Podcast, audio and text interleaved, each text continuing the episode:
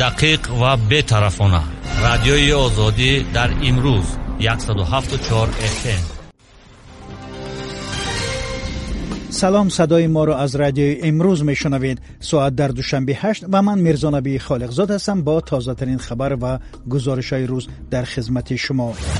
دادگاه ولایت سوخت 20 ساکنی منطقه را با گمان عضویت در سازمان ممنوع اخوان المسلمین برادران مسلمان از 5 تا 7 سال به زندان محکوم کرده است. نزدیکان برخی از محکوم شده گفتند که با حکم دادگاه راضی نیستند و برای بازبینی آن تلاش دارند. انورجان عبدالغفاری دادرس پرونده روز 18 آگوست در صحبت گفت حکم این افراد هفته گذشته صادر شده است. دادرس می‌گوید آنها را بر اساس ماده 307 یا عضویت در سازمان های ممنوع گناه گناهگار دانستند محاکمه 20 ساکن ولایت سوخت در بازداشتگاه موقتی ولایت سوخت برگزار شده است. بازداشت افراد متهم به عضویت در اخوان المسلمین در اول ماه ینور امسال آغاز شد. نشان ندادن بازداشت شده ها به نزدیکانشان و نداشتن وکیل مدافع مستقل نگرانی بعضی از حامیان حقوق را به بار آورده است. ҳомиёни ҳуқуқро ба бор овардааст ба иттилои дарёфтии мансурҷон умаров муовини вазири адлия ва сардори раёсати зиндонҳои тоҷикистон ба бемории илтиҳоби шуш гирифтор шудааст ду корманди раёсати маҳбасҳо гуфтанд умаров дар беморхона аст ва тақрибан як моҳ боз ба кор наомадааст мақомот дар ин бора расман хабар надоданд баъзе афроди наздик ба хонаводаи мансурҷон умаров хабари бемор будани ӯро тасдиқ карданд вале дар бораи вазъи саломатиаш тафсилот надоданд дар моҳи майи имсол носир умаров бародари мансурҷон умаров ва корманди ширкати барқи тоҷик дар бемористони зарафшони шаҳри душанбе даргузашт яке аз наздикони ӯ рӯзи панҷуми май гуфта буд носир умаров ба эҳтимоли зиёд аз коронавируси нав фавтидааст чун ҷасадро ба пайвандон надоданд Қарор аст як додгоҳи таҳти сарпарастии созмони милал рӯзи 18 август ҳукми чаҳор нафариро эълон кунад ки дар қатли рафиқ ҳарирӣ нахуствазири собиқи лубнон муттаҳам мешавад. Ҳарирӣ 15 сол пеш дар натиҷаи як бомбгузорӣ дар шаҳри бейрут кушта шуд. Муттаҳамон ба ҷиноят ки аъзои созмони ҳизбуллоҳ ҳастанд дар ғайбашон дар додгоҳи махсуси лубнон дар ҳошияи шаҳри гаага дар ҳоланд муҳокима мешуданд. Рафиқ ҳарирӣ ки вакили мардумӣ буд آن زمان با مخالفان دولت در پارلمان لبنان هم پیمان بود و روز 14 فوریه سال 2005 در نتیجه ترکش بام در نزد کاروان ماشینهایش کشته شد. رفیق حریری سیاستمدار سنی مذهب از سوریه خواست نیروهایش را که از سال 1976 از زمان آغاز جنگ داخلی در لبنان از این کشور بیرون برد.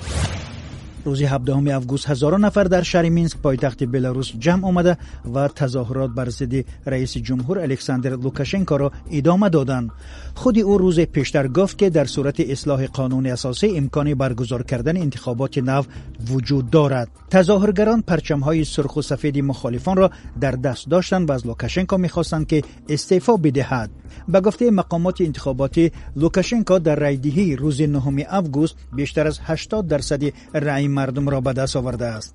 اما بعد اعلان نتیجه‌ها مردم انتخابات را تقلبی نامیده به تظاهرات دست زدند. در شهر ژنعازن قزاقستان 17 آگوست یک گروه ساکنان و فعالان مدنی با طلب رهایی محبوسان سیاسی در میدان مرکزی شهر جمع شدند. فعالان مدنی قزاق در دست شعار آزادی به محبوسان سیاسی و عکس شعار و دیگراندیش زندانی اران آتبک فعال مدنی زندانی از اتیراو و اشتراکچی تظاهرات سال 2016 ضد اصلاحات زمین در قزاقستان مکس باقیف را داشتند эътирозгарон аз президенти қазоқистон қосимҷон мартоқаев талаб карданд ки маҳбусони сиёсиро фавран озод кунад. нашри дидгоҳҳои мухталиф ва мутаззод 174 fm вазорати адлии амрико гуфт як афсари собиқи хадамоти истихборотии амрико ва ё با اتهام جاسوسی به نفع چین دستگیر کردند در صورت ثابت شدن اتهامات ممکن است الکساندر یوگ چینگ می 67 ساله را به زندان یک عمر محکوم کنند. وزارت روز 17 آگوست با نشر یک بیانیه رسمی گفت افسر سابق همراه با افسر دیگری سابق خدمات استخباراتی آمریکا اطلاعات سری دفاعی آمریکا را به جاسوسان چین داده است. جزئیات بیشتر را در این باره همکارم طاهر سفر پیشنهاد می کند قرار است الکساندر ما روز 18 آگوست در دادگاه در هوایی برای اعلان اتهام حاضر شود.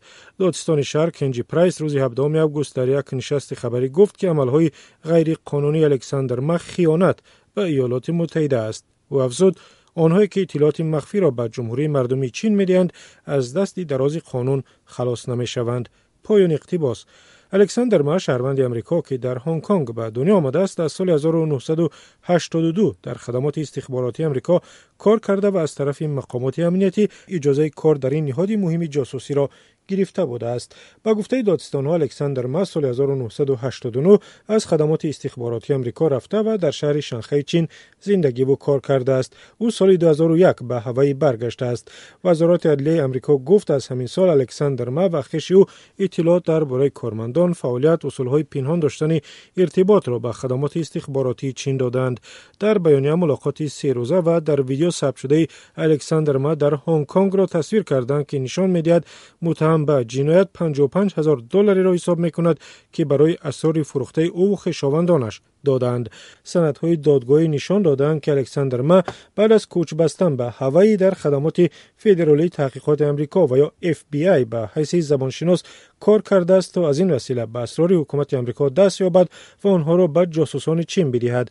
با گفته دادستان ها الکساندر ما زمان آغاز کارش در خدمات فدرالی تحقیقات از سال 2004 با استفاده از کامپیوتر کاریش عکس و سندها دایر به تکنولوژی های موشک و اصلی سازی را نسخه گرفته است. وزارت عدلیه امریکا گفت الکساندر ما سال 2009 با یک مامور مخفی اف بی آی اقرار شده است که جاسوسی می‌کند و برای کمکهایش به چین از او 2000 دلار هدیه خورد گرفته است. با گفته وزارت عدلیه امریکا بعد از گرفتن پول از مامور مخفی اف بی آی الکساندر ما گفته است که می‌خواهد بازداشت یک افسر سابق خدمات استخباراتی امریکا و یا CIA با اتهام جاسوسی به نفع چین. گزارش همکارم طاهر سفر را شنیده. از زمانی به تاجیکستان آوردن 84 کودک جنگجوی تاجیک از عراق یک سال و چهار ماه می گذرد اما مسئله زیر تربیه دولت و نزدیکانشان ماندنی آنها نهایی نشده است. بابا و بیبی بی بعضی از کودکان می‌گویند به تربیه آنها فرصت و امکان کافی دارند ولی امبودسمن حقوقی کودک در تاجیکستان می‌گوید مسئله حساس است و به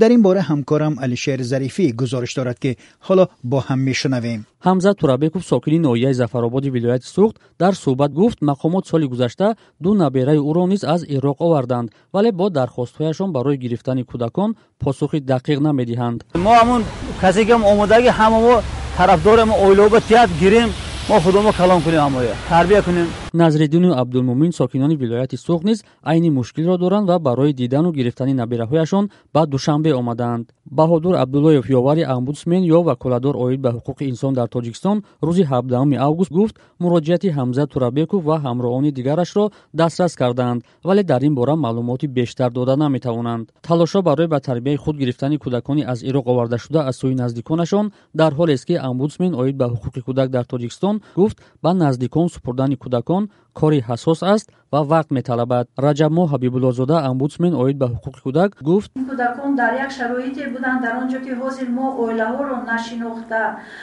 наомӯхта ки оё ҳамин оила худаш оилаи солим ҳаст оё метавонад ба ҳамин кӯдакро дуруст тарбия кунад барои ҳамин ҳам ҳабибуллозода афзуд хешовандони кӯдакон ҳар моҳ ба душанбе омада аз аҳволи онҳо хабар мегиранд Аммо ҳамзат турабеков мегӯяд набераи калонияшро бо гузашти беш аз як сол надидааст ва танҳо набераи хурдиашро нишон доданд. Ба қавли ваколадор оид ба ҳуқуқи кӯдак 84 наврасу кӯдаки аз ироқ овардашуда дар мактаб интернат ва муассисаҳои кӯдакона қарор дошта ба таҳсил фаро гирифта шуданд. Вай афзуд ки кӯдакон дар шароити хуб ба сар мебаранд ва ба ҳаёти имрӯза мутобиқ шуданд қаблан кумитаи байналмилалии салиби сурх ба тоҷикистон тавсия дода буд ки барои зудтар мутобиқ шудани кӯдакон ба муҳити осоишта бояд онҳоро ба наздиконашон бидиҳанд маҳмудшо кабиров равоншиноси тоҷик мегӯяд чӣ гуна будани муҳити хонаводагӣ барои ояндаи кӯдакони аз ироқ овардашуда нақши муҳим мебозад интиқоли 84 кӯдаку навраси тоҷик аз бағдод ба душанбе шаби сюми апрели соли гузашта сурат гирифта буд баъзеи ин кӯдакон чанд сол пеш ҳамроҳи волидони худ ба маҳалли ҷанг дар ироқ рафта бархе дигар дар он ҷо ба дунё омаданд талашҳои бибиву бобоҳо барои ба тарбияи худ гирифтани кӯдаконе аз ироқ овардашуда ва посухи мақомот. Гузоришро дар ин бора аз алишери зарифӣ шунидед. Саҳифаи моро дар ютуб бо номи озоди видео мушоҳида кунед. Озоди видео намое аз воқеатҳои рӯз аст. شما خبر و گزارش های رادیو آزادی را روی موج 107.4 اف ام در پیشنهاد من میرزا نبی خالقزاد شنیدید. خبر و ویدیوهای نو را از تاجیکستان و جهان در وبسایت رادیو آزادی بخوانید و تماشا کنید. خدا نگهدار. رادیوی آزادی در امروز 107.4 FM